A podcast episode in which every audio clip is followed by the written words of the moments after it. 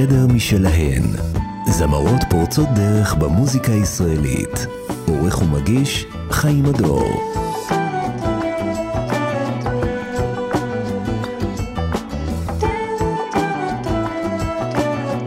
יש לה, לאורחת שלנו, לפחות 11 אלבומי אולפן, והרבה אוספים, ואיזה 200-300 סינגלים, והשתתפות בהרבה תוכניות, והיא באה עם דוניה מאוד מאוד אה, גדולה לחיפה, כדי שתספר לנו בין השאר על החדר שלה, ועל החדר שהיה, גם בחיפה וגם במקומות אחרים.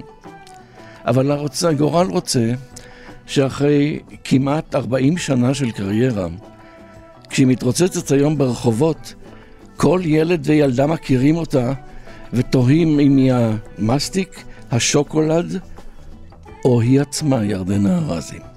שלום לכם ושלום לירדנה. שלום לך, חיים. וטוב שהגעת לחיפה, עיר מגורייך. אני מוכרח תמיד להודות, למרות שנולדת בקיבוץ כברי, אבל גדלתי בחיפה מגיל שנתיים. גדלת בחיפה, וזה כאילו לבוא הביתה. לגמרי, לגמרי. אני שמח. ולא, אתה יודע, עכשיו כשנכנסנו ככה לעיר, באתי עם שלומי לאופר, חבר טוב שלי, וחשבתי לעצמי איך הלכתי את כל ה... איפה שיש עכשיו את כל המגדלים. זה פעם היה פשוט, הם לא היו. כשהייתי ילדה והיינו יוצאים, גרתי ברחוב ארלוזרוב בחיפה, היינו יוצאים ישר אל הטבע. כן, ו... בדיוק כך. כן. במזג אוויר כזה תמיד חיפשנו את פעמוני הגשם ואת הסיטבניות, והיינו נכון. ממש אה, חלק מהעניין. חלק מהטבע. חלק מהטבע. נכון. אבל נאמר בסוגריים, ובזה נסיים את הפרשה, שבחיפה בונים היום את גבעת זמר, שהיא באמצע מקום נפלא, שיש בו נוף נהדר, ויש רחוב ירדנה ארזי בחיפה, שאני חושב שזו מחווה ממש מרגשת, שהעיר נותנת לאומנים שלה עוד בחייהם. כדי שייהנו מהדבר הזה שקוראים לו נצח. אז אני חושב שבכל ביקור שלך בחיפה, תלכי לראות כיצד את מתפתחת בעיר. לגמרי, מחמאה גדולה. כן, נחזור לחדר משלי, ורציתי לדעת אם באופן עקרוני לך, כשגרת פה ברחוב ארלוזורוב, היה באמת חדר משלך שיכולת uh, להסתגר בו ולחלום את החלומות שלך אפילו להיות זמרת כבר כשהיית צעירה. בקושי היה לי חדר משלי, מפני שההורים שלי עזבו קיבוץ ככה חסרי כל. הייתה לנו דירה של שני חדרים, והם עצמם ישנו בסלון, והיה לי חדר שהיה מין חדר מעבר כזה, אז בוא נאמר שממש... פינה שבה יכולתי לשבת ולחלום לא כל כך הייתה לי, אבל אה, כן, באיזשהו מקום פייפע בי היו לי חלומות. היה לך כבר אז איזשהו גיבוי לחלומות שלך, או שזה היה כזה דבר שאי אפשר עוד לגלות את החלומות, כשאת ראית שההורים שלך בעצם, כמו ההורים שלי וכמו הרבה הורים, נאבקו על היום-יום, על האוכל, על העבודה, על הפרנסה, והחלומות של הילדים נשארו כ-second best. אני חושבת שמה שבעצם היה אה, קרש הצלה היה בעצם הפעילות בצופים, שזה היה בעצם מהעופרים ועד הצבא. Mm-hmm. ושם באמת יכולתי איכשהו... אה, לתת ביטוי על ההרגשה שאולי אני יכולה לשיר, וזה היה בטקסים, ומשם אבא שלי דיבר עם אפי נצר וקיבל אותי לחבורת בית רוטשילד, אז כן, איכשהו משם אפשר היה להתחיל לחלום, ואולי לנסות להגשים חלומות. והיום לפעמים את נזכרת כדי לתת לעצמך איזשהו אה, זעזוע על הילדה שהייתה אז, או ש... זה דברים שבעצם כבר אה, לא חיים אותם, אז גם לא זוכרים אותם כל כך. לא, אני מודה ומתוודה שאני נשענת על הילדה הזאת. והילדה הזו שומרת לי על פרופורציות. הילדה הזו שומרת עליי. מפני שעברתי באמת הרבה, הדרך 50 שנה של אה, עשייה מקצועית, מוזיקלית. אתה יודע, העללה באלף, היא, באמת אפשר ללכת לאיבוד, mm-hmm. בתקופה שאתה לא יכול ללכת ברחוב, אלא עם שומרי ראש וכל מיני דברים כאלה. כן. באמת הילדה הזו מחיפה, מהצופים, הבת של החשמלאי מחיפה, היא נמצאת איתי כל הזמן. אני נשענת עליה, היא שומרת עליי. היא לא עוזבת אותה ואני לא עוזבת אותה. הצעד הבא המאוד משמעותי היה כמובן להקת הנחל, שהייתה מסעת חיים של כל מי שרצתה להיות משהו בעולם הבידור. בעצם היה הבית ספר הכי, אני חושבת, הכי טוב שיכול היה להיות למקצוע הזה. והיית שם המפקדת הראשונה כאישה בלהקה צבאית. זה, קראתי את זה, אני מניח שבדיעבד אולי זה קצת מעורר צחוק, אבל אני פתאום... אה, לא, אני צחקתי כי אני זוכרת את עצמי שם, זה פשוט... אה, בגלל זה צחקתי. לא, לא, אני פשוט רוצה לומר שהלוא זה היה בכל זאת עולם של גברים. זה בכל זאת היה אנשים מצ'ואיסטים כאלה, ופתאום באה אחת והיא מפקדת עליהם. באיזה מידה את צריכה אז להוכיח את עצמך שאת מסוגלת לזה כאישה, או שקיבלו את זה כמובן מאליו? הם קיבלו את זה כמובן מאליו, כולנו היינו קבוצה אחת שצמחה ביחד. אבל אה, מאחר ואני מגיעה מבית אה, גרמני, מה שנקרא יקה, הייתה חשובה לי מאוד המשמעת, ואני נטפלתי למשמעת בצורה די קיצונית. וואו. כן. והצלחת? ו... הצלחתי, וקלידן שלנו, דניאל פאר, אפילו הצלחתי איכשהו להכניס אותו לחמישה ימים בכלא, וזה פשוט, כשזה קרה הבנתי שאני הגזמתי. והתפטרתי, ושמעון ויצמן, חבר טוב מהלהקה, החליף אותי, ואני שמחה שזה מה שקרה. נעבור גם לשירים. אנחנו משתדלים להשמיע כמה שיותר, אבל כמה שלא נשמיע זה יהיה מעט מדי. אני רוצה לומר, כמו שאני אומר תמיד, שאני בעצם שמעתי את כל האלבומים של ירדנה ארנזי, שמעתי עשרה מתוך האחד עשר, וכמובן אה, אני מאוד מתוסכל לומר שיש כל כך הרבה שירים שאנחנו כאנשי הרדיו פספסנו, בגלל השגרה הזו, שבא אלבום חדש, אז זה תקליט, אה, שומעים אה, להיט, שניים, שלושה, ומזניחים את כל השבעה האחרים.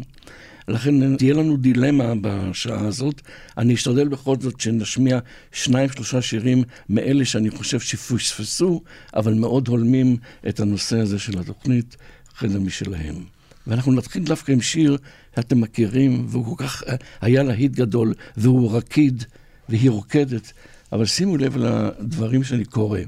היא רוקדת ולפתע נעלמת האימה. היא פורסת את ידיה, והיא שוב ילדה תמימה השקועה בחלומה. אלוהים דואג הלילה לשלומה. לא. דרמה. זו דרמה. דרמה זה... בשיר שהוא מאוד רקיד. נכון, ומאחר והוא אה, בעצם נועד לקדם אירוויזיון או לאירוויזיון, אז כמובן שהוא תחום בשלוש דקות, והוא צריך לי, מהשמיעה הראשונה להיות מאוד מאוד uh, קליט ומאוד מאוד, uh, לטווח מאוד רחב של גילאים, אז באמת הוא מובנה, הוא נמצא כמו שהוא. לימים, כשאני מופיעה איתו על הבמה, אני נותנת למילים... לבוא לידי ביטוי. לבוא, לסיפור לבוא לידי ביטוי, ורק אחר כך הוא נכנס לקצב. אבל אני אוהבת אותו כמו שהוא הוקלט גם. בהחלט. כי, אבל אני נתליתי במשפט הנפלא הזה, שהיא שוב ילדה תמימה השקועה בחלומה. קובי אושרת ואהוד מנור. אפרופו להקות, אפרופו חיפה.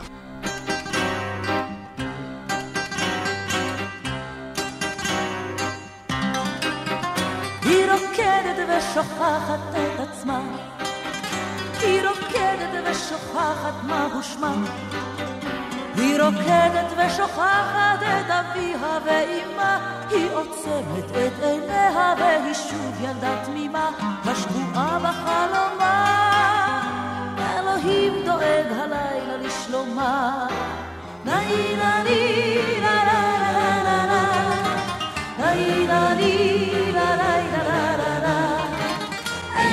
לאיש על פני האדמה, אלוהים דואג הלילה לשלומה. היא רוקדת עם הגוף והנשמה, היא רוקדת והקצב בדמה, היא רוקדת ולפתע נעלמת האימה, היא פורסת את ידיה והיא שוב ילדה תמימה, השקועה בחלומה.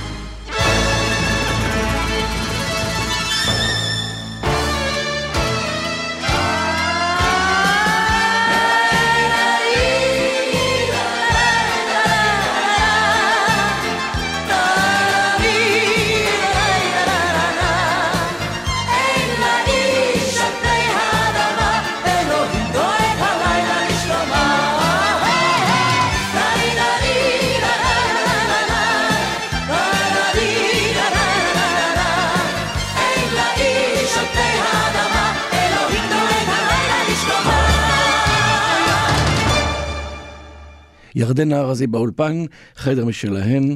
להקת הנחל זו אפיזודה, אבל לא אפיזודה, אלא זה אבן דרך מאוד אה, מיוחדת. ואז את בעצם יוצאת אל העולם ומנסה לחטט את רגלייך, וזו דרך חתחתים. ככה אני חושב. איך בעצם את יכולה לסכם את הדרך הזו כשאת מנסה כבוגרת להקת הנחל, אבל עדיין נערה, בעולם שהוא כולו עולם של גברים. המפיקים, המוסיקאים, כל הסובב אותך, ואת צריכה בעצם לפרוח. אני יוצאת מלהקת הנחל לחממה, שנקראת שוקולד מנטה מסטיק. וזה סיפור של חמש שנים, שבהן אני מוקפת שתי חברות, לאה לופטין ורותי הולצמן, ואנחנו אמנם מנוהלות על ידי פשנל, אברהם דשא, אבל אנחנו די מחליטות מה אנחנו עושות, מה אנחנו שרות. אני עדיין מתבשלת. אני עדיין עושה היכרות עם עצמי. לא חלמתי מימיי להיות באמת זמרת סולנית. לקח לי המון המון המון זמן והרבה שנים להתבשל, להבין מי אני. הדרך ארוכה, והדרך ממשיכה, גם בעצם היום הזה. זאת אומרת, אני עדיין לומדת ועדיין היא מתפתחת כל הזמן, והדרך אה, מלהקת הנחל לחממה הזאת שנקראה שוקולד מנטה מסטיק הייתה אבן דרך מאוד חשובה, שבה בעצם המשכתי להתפתח, המשכתי ללמוד את עצמי, עד שבאמת הבנתי שאני חייבת אה, לעזוב את זה, ובאמת ב-1978 עזבתי את השלישייה, כשלא ידעתי עדיין לאן פניי מועדות, אבל היה לי ברור שאני חייבת להתחיל בדרך עצמאית. עכשיו, באמת כאן נכנס לתמונה בעלי, נתן תומר, שאחרי שהנחיתי את האירוויזיון ב-79 בירושלים, פשוט uh, אמר לי, אני לא רוצה שום חברת תקליטים, את חייבת להיות זמרת סולנית. וואו. כן, ממש זרק אותי וואו, למים. זה פשוט וואו. הסיפור הזה של שוקולד מנטה מלטי, שהוא כמובן חלק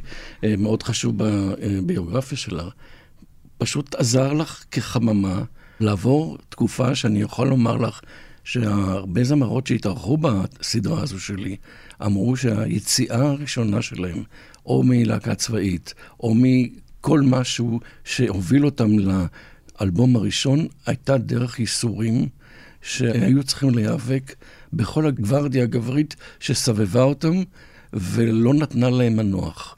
ומשם גם נבוע חלק מההזדהות שלהם עם מיטו, כי חלקם פשוט נזכרו בכל התלאות שהם עברו כזמרות צעירות, עד שבעצם הם יכלו לומר, זאת אני. אתה מדבר על הנושא הזה של מיטו, אז כמובן, גם אני חוויתי בלהקת הנחל כן. כחיילת אה, הטרדה מינית מדמות שהייתה אה, אוטוריטה מקצועית, ופשוט אה, שמתי לזה סוף. הצלחת למצוא לזה סוף. לא ביצע את זממו ולא כאילו, הצליח, אבל, אבל, ירדו לי כל הסולואים. Mm. שילמתי על זה מחיר. וואו. שילמתי על זה מחיר. ניסית לסגור uh, חשבונות אפילו בדיעבד או אחרי שנים? כתבתי לו אז בזמנו מכתב, כן, כתבתי לו יחד עם מי שהיה אז בעלי, עמוס טלשיר, שהייתי בלהקת הנחל. כתבנו לו מכתב, אבל הוא לא הגיב עליו, וירדו הסולואים, כן. Mm-hmm. האמת שאני בליבי לא התחשבנתי איתו, כי אני נורא חשוב לי להיות באנרגיה חיובית. אני לא מתחשבנת ואני לא רבה עם אף אחד. המשכתי הלאה, אבל השנים האלה עם שוקולד מנטה מסטיק, שהייתה בעצם סיפור הצלחה... מדהים. באמת גדול, כולל אירוויזיון, כולל, אה, אתה יודע, הופעות בארץ ובעולם. עוד דרך להתפתח, עוד דרך להתקדם. וכשזה הסתיים, זה סיים את התפקיד שלו, המקצועי בחיי, אה, נכנס לתמונה נתן תומר. והיית כבר בשלה, הייתי אומר, הייתי כבר... כן. כן, הייתי... תפסת ביטחון. אה, לאט לאט, לאט לאט. זה לא השבר הסורי-אפריקאי, שאתה mm-hmm. פתאום, פתאום מקבל ביטחון, זה לא, זה דבר שנבנה. Mm-hmm. זה דבר, אתה מתחיל ללמוד פיתוח קול, אתה מתחיל... הדברים האלה הם בהתפתחות כל הזמן, בהתפתחות מתמדת. ועצם העובדה שקיבלתי חופש מקצועי, נתן תומר, אני מזכירה אותו, כן. אנחנו האינדי הראשון בארץ. אנחנו mm. בעצם חברת התקליטים הראשונה שהיא עצמאית. ויחד עם גברי מזור שנכנס לתמונה, ביחד עשינו במשך שנים ארוכות כל מה שחשבנו וחלמנו עליו, וזה לוקסוס גדול באמת. ילדה יחפה, כלואת צמות, בעצם מגיעה ל... ללב המאפליה של התעשייה הזו של המוסיקה. אין קשר בין מה שאני אמרתי לבין התוכן של השיר, ושלפתי משם את המשפט הזה כדי לעבור לשיר שכתבה לך אסתר שמיר. גלעד עצמון כתב את הלחן. כן. אה, מה הקונטקסט של ילדה יחפה? ילדה יחפה זה בעצם, אני רואה בו שיר מחאה, שיר uh, של uh, ילדה שמסתכלת בהשתאות, במבט על ממעוף ציפור על הארץ שלה, ובעצם שואלת, מה את רוצה, ארצי? את רוצה דם המכבים או פרחי לילך? מה את מעדיפה? איך, באיזה צד את רוצה להיות שם? והזדהיתי עם הילדה הזו כלואת צמות, כי גם אני הייתי ילדה כלואת צמות. כן, כן, זה ברור שזה הגיע משם. ולכן כל כך התחברתי אה, אל המילים. אני גם מאוד אהבתי את העיבוד שלוקח את זה ככה למקום אה, גרוזיני, גיאורגי, mm. אה, את הפרשנות המוזיקלית אה, שלוקחת את ה... את המילים האלה גם כן למחוזות של מוזיקת עולם, שאני מאוד מאוד מאוד אוהבת, ותמיד אהבתי מוזיקת עולם.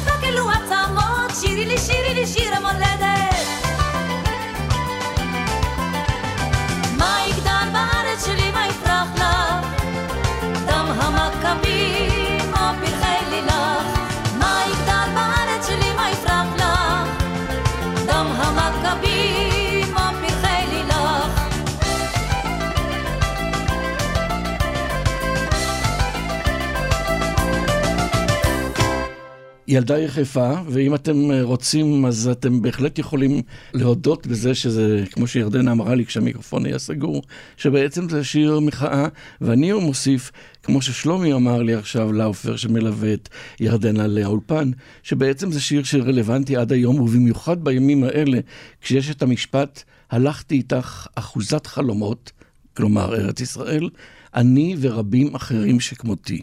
והיום, באווירת ההפגנות והמחאות, תראו כמה ששיר שנכתב בשנת 1991 הוא כל כך כאן ועכשיו. תראה, זה כמו אה, השיר הבא שאנחנו עומדים אה, לדבר עליו. אנחנו כאילו אחוזים, המדינה הזו חיה על חרבה. ולא רק המדינה, בעצם העולם. הרבה מאוד uh, הקלטות עשיתי כשברקע הייתה מלחמה. ומלחמת לבנון ליוותה אותי לאורך כל שנות ה-80. הביתה. גם הביתה. כל השירים, אני זוכרת שהגיעו אליי שירים, אני לא אזכיר עכשיו את שמם, שהפכו אחר כך ללהיטים נורא גדולים, שאמרתי, באווירה הזו אני לא יכולה לשיר את השירים האלה. כן. אני לא יכולה לשיר שירים כאלה.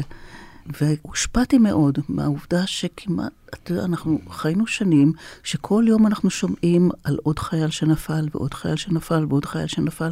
זה מאוד השפיע, זה מאוד חלחל. אין הפגנה שלא הלכתי, ו- ובאמת היה ויכוח ציבורי בארץ, אה, האם להישאר בלבנון או לא. ואני זוכרת שבאותם ימים כשאספתי חומר לתקליט, אה, נתקלתי בשיר של רחל שפירא, האישה על האבן. וואו. ואני זוכרת שהיא אמרה לי, תראי, בסוף כל מלחמה, לא משנה באיזה צד של הגבול, בסופו של דבר, יושבת אישה על חורבות, על הריסות ביתה. וזה בדיוק השיר. אני חושבת שהוא אוניברסלי. הוא שייך, אני חושבת, לכל מלחמה. זו תמונה בעצם שאתה רואה אחרי כל מלחמה. אני מוכרח לומר שברגע שאת אמרת לי שאת רוצה את השיר הזה, אני פשוט אה, מאוד מאוד התרגשתי, כי אני זוכר את הפעם הראשונה ששמעתי את זה. כשהאלבום שלך uh, יצא. והרגשתי, ואני חשבתי לעצמי, מה גורם לזמרת לשיר שיר שהוא על מוות, או שיר שיש בו אלמנטים מורבידיים, אלא אם כן היא מחליטה שהיא יוצאת כדי לייצג משהו מעבר לעובדה שהיא זמרת שתפקידה לשיר ולבדר, אלא היא צריכה שתהיה לה גם איזושהי אמירה חד משמעית. כל השירים שהקלטתי עד היום, נקודת המוצא הייתה הטקסט. אלא אם כן, אתה יודע, זה פסטיבל שירי ילדים, או... אבל השירים שהקלטתי לאורך השנים, זה התחיל uh, מהטקסטים. ובתקופה, כמו שאני מספרת לך, שיש מלחמה ברקע כל הזמן, אז זה מאוד משפיע, וזה הרבה תפילות, יש בשירים שלי הרבה תפילות, כולל היא רוקדת ששמענו כן. בהתחלה. וגם ילדה יחפה, זה הכל נוגע, הכל מושפע בעצם מאותה מלחמה. אבל יש לך איזו תחושה שאת אה, גם מייצגת, שאת באה כאן לשמש פה לאנשים אחרים? לא, לא, אני לא. אני בן אדם מאוד פרטי. כן, אבל המסר. כן, המסר הוא דבר שאני מרגישה, אני לא פה של אף אחד אחר. אני, זה דברים שאני, ביני לביני. תרצו תאכלו, לא, לא. אז uh, נשמע עכשיו את האישה על האבן, בהשראת uh, פנחס שדה. רחל שפירא כתבה מילים ממש מצמררות. תתקרבו כדי להזדהות עם הלחן העממי שבא מספרד כנראה. הוא בא מהבולאו של uh, רבל. רבל.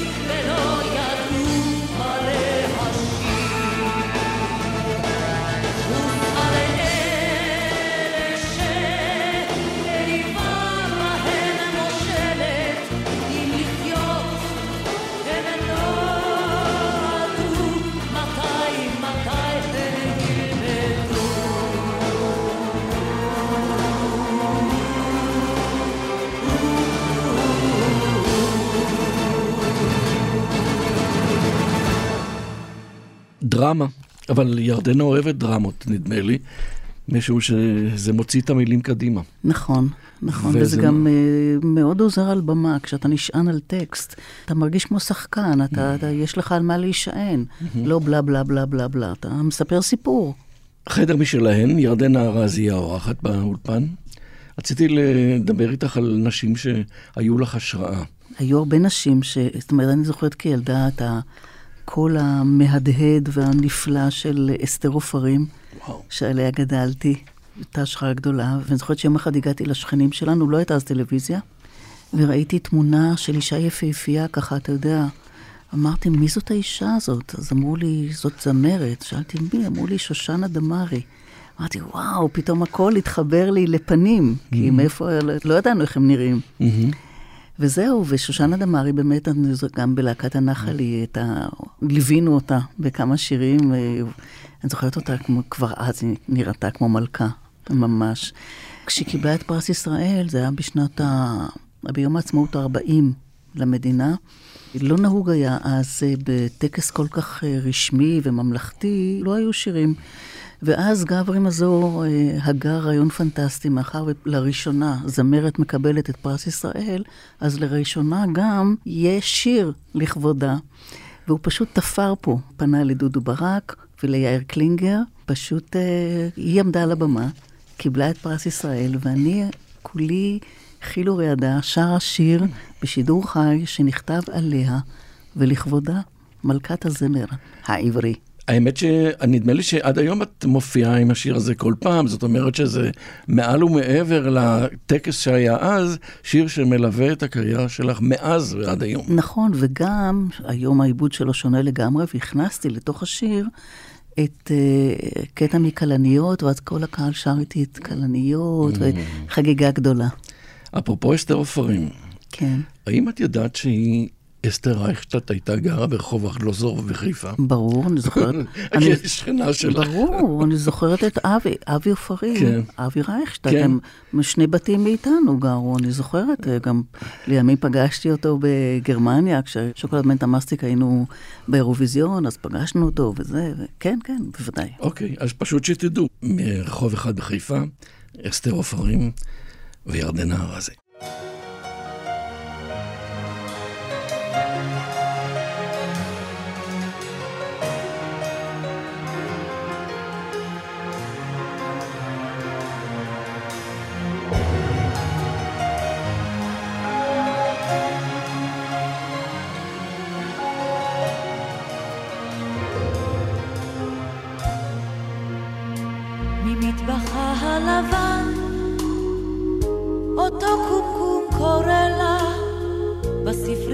שבסלון יש אלתרמן ופן, ועל הקרן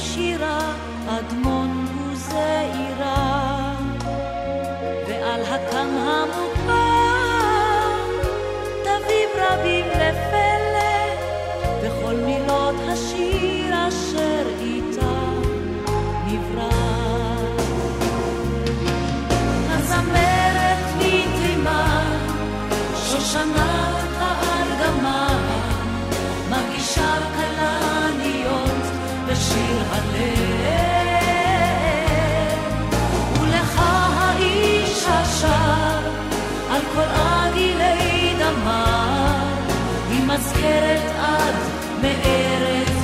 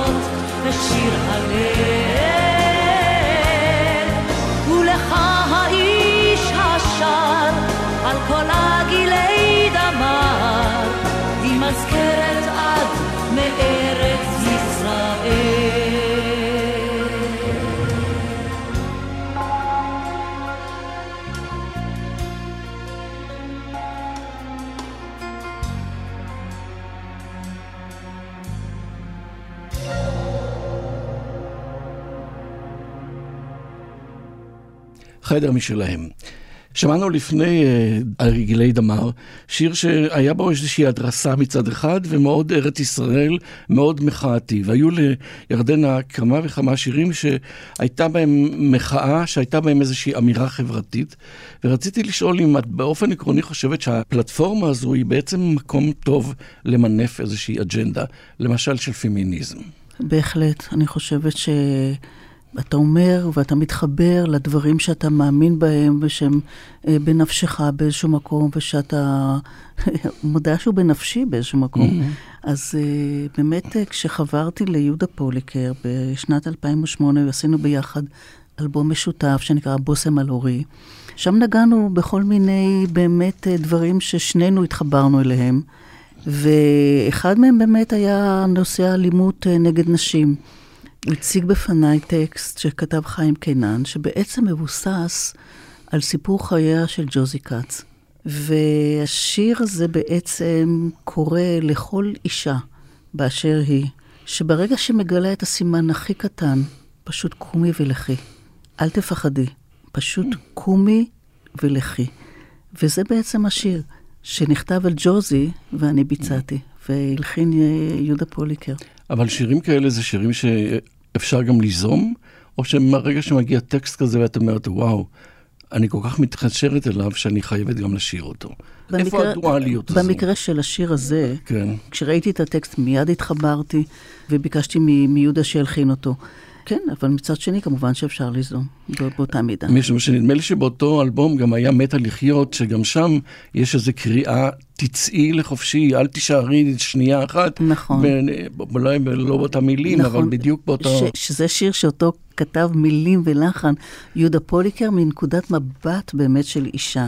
וגם ראינו המון שירים וראינו המון המון המון טקסטים, עברנו על המון חומרים, ובסוף אלה השירים שנבחרו. זאת אומרת שאני בחרתי את השירים האלה. אוקיי, okay, אבל לאור העובדה שאנחנו עכשיו נשמע את שני השירים האלה ברצף, רציתי לשאול האם את בעצם רואה בזה גם איזושהי שליחות. מעבר לעובדה שאת שרה, וזה מאוד מתאים, אבל יש איזושהי שליחות, איזה הרמת דגל, איזה אג'נדה שאת בעצם, שסחפה אותך או שאת אותה. בוודאי, בוודאי שכן.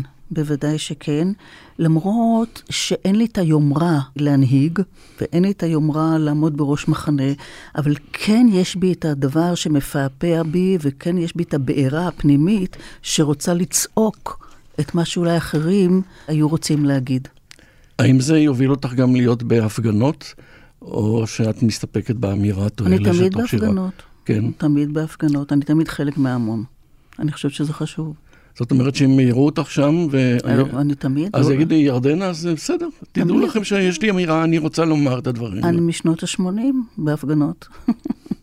בלי דגל על הראש, אבל אני נמצאת בתוך ההמון. תעזבי עוד היום. בלי לומר לו שלום. בלי לומר לו שלום. את הילד תיקחי, והפעם לכי, הפעם לכי.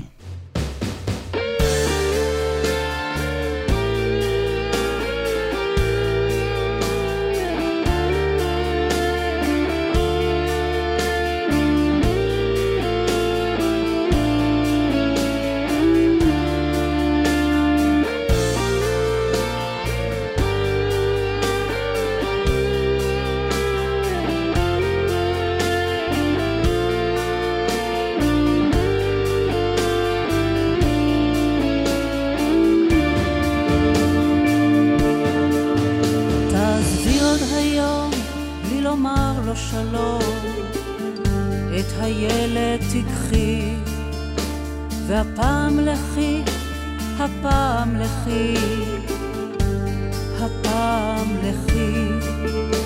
במטוס אם צריך, במונית, ברכבת, רחוק מהר ועכשיו, את חייבת, את חייבת, את חייבת.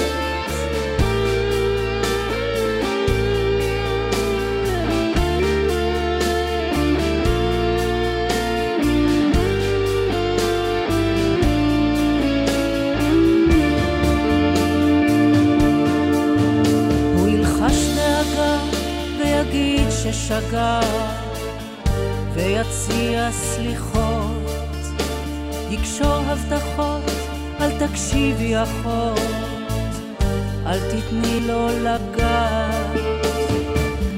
הוא לא ישתנה לעולם, לא, הוא לא ישתנה, את יודעת, את יודעת, את יודעת. את הכאב ואת הבושה, תוליכי בשקט לחייך יבשה. ואת הכאב ואת הבושה, תוליכי בשקט לחייך יבשה.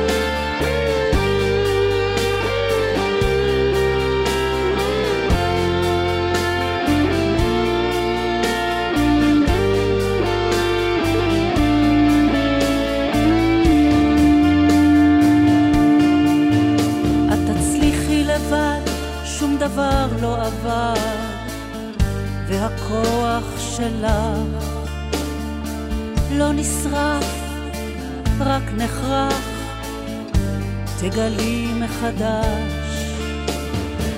את החופש מפחד, ולא תהיי עוד תלויה בביחד, בביחד, בביחד. לא הכאב ולא הבושה יעידו עלייך שאת חלשה ולא הכאב ולא הבושה יעידו עלייך שאת חלשה. מן הכאב ומן הבושה אישה חדשה, ומן הכאב ומן הבושה, תשובי אלייך אישה חדשה.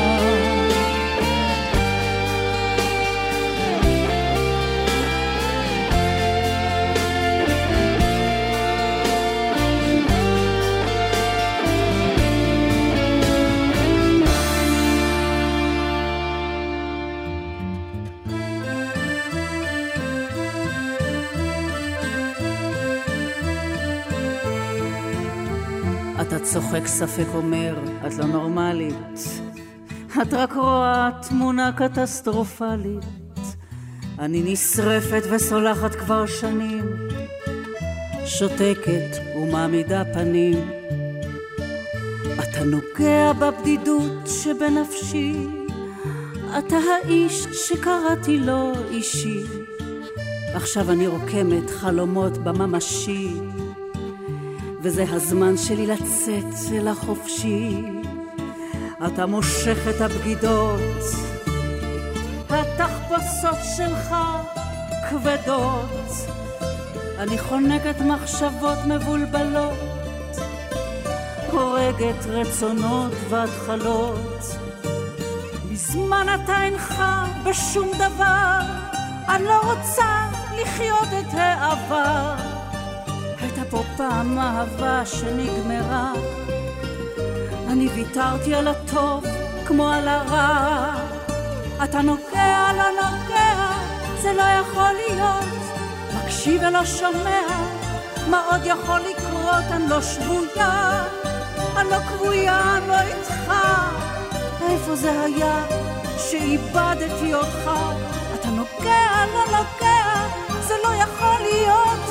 מקשיב ולא שומע, מה עוד יכול לקרות? אני לא שבויה, אני לא כבויה, אני לא איתך, אני אישה שמתה לחיות. אני אורזת מזוודה, אוספת את שברי האבדה. אני יודעת, אין לי שום ברירה.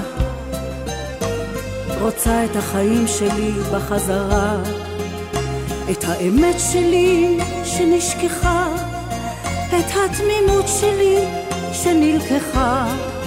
זהו זה, אני הולכת בלי שמחה.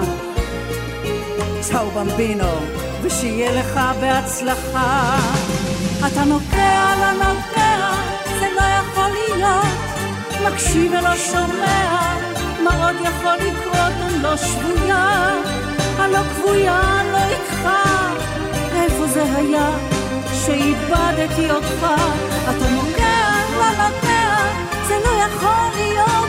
מקשיב ולא שומע, מה עוד יכול לקרות? אני לא שבויה, אני לא כבויה, אני לא איתך, אני אישה שמתה לחיות.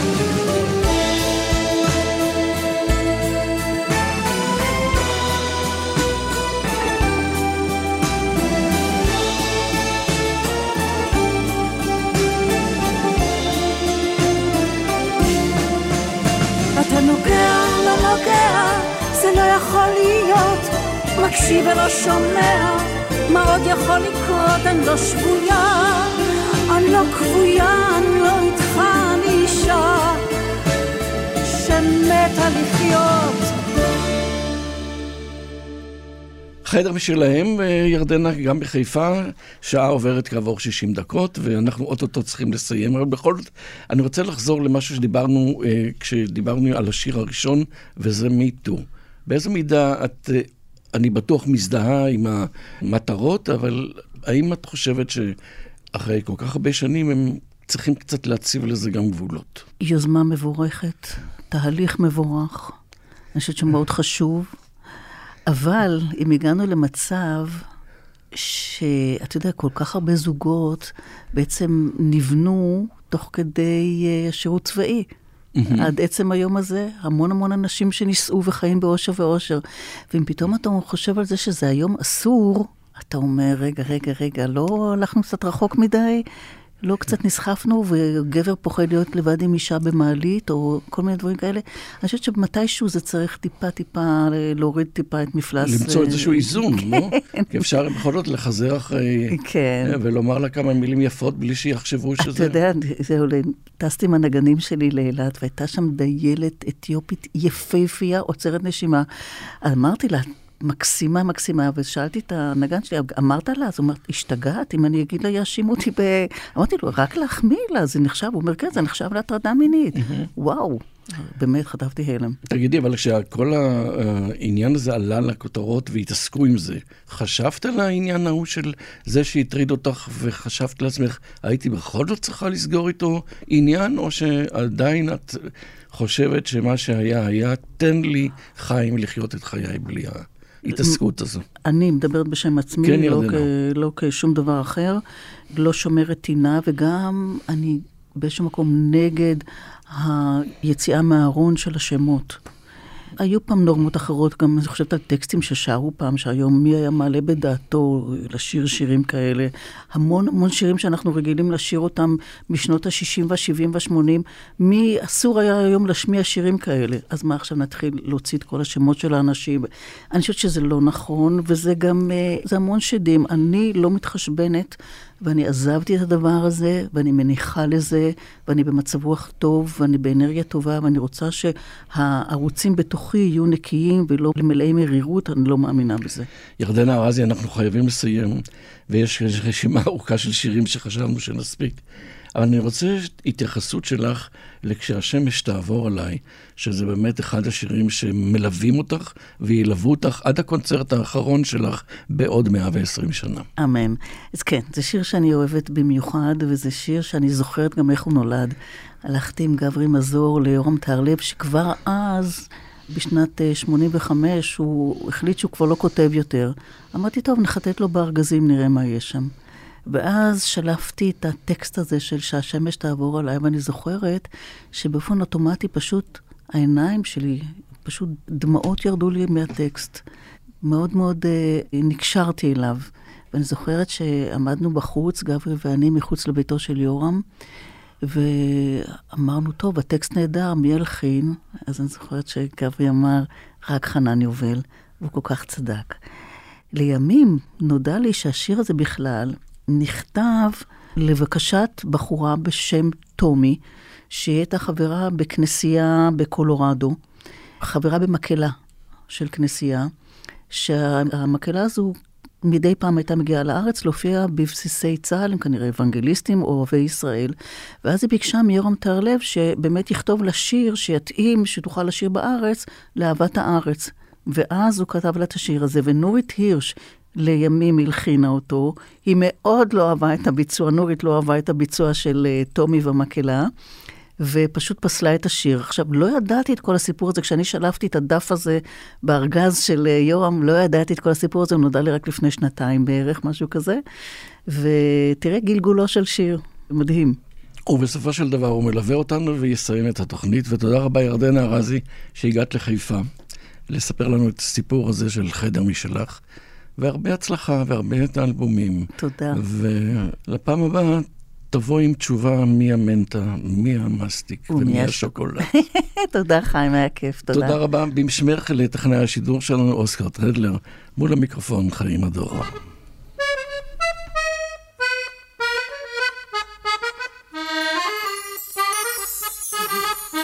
ישנם ימים ללא מרגוע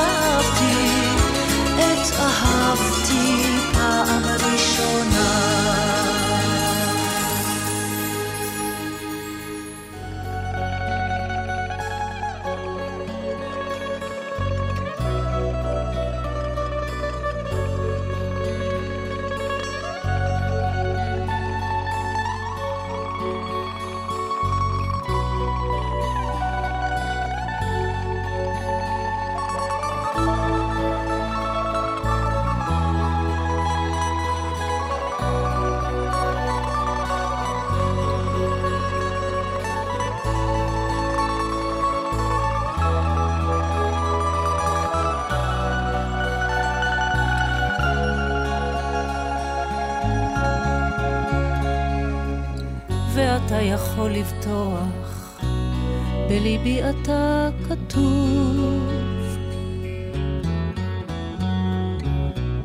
בשבילך אמצא בי כוח ואור גנוז. אם תיסע חסר מנוח, כך או כך אתה עימי, לא אוכל אותך לשכוח, כל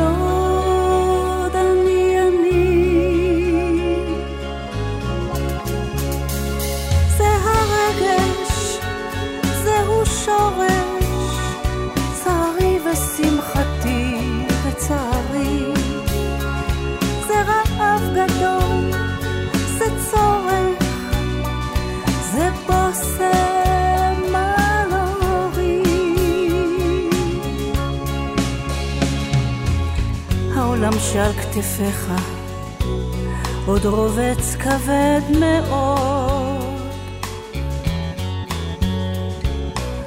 ומתי תפקח עיניך מבלי לדאוג?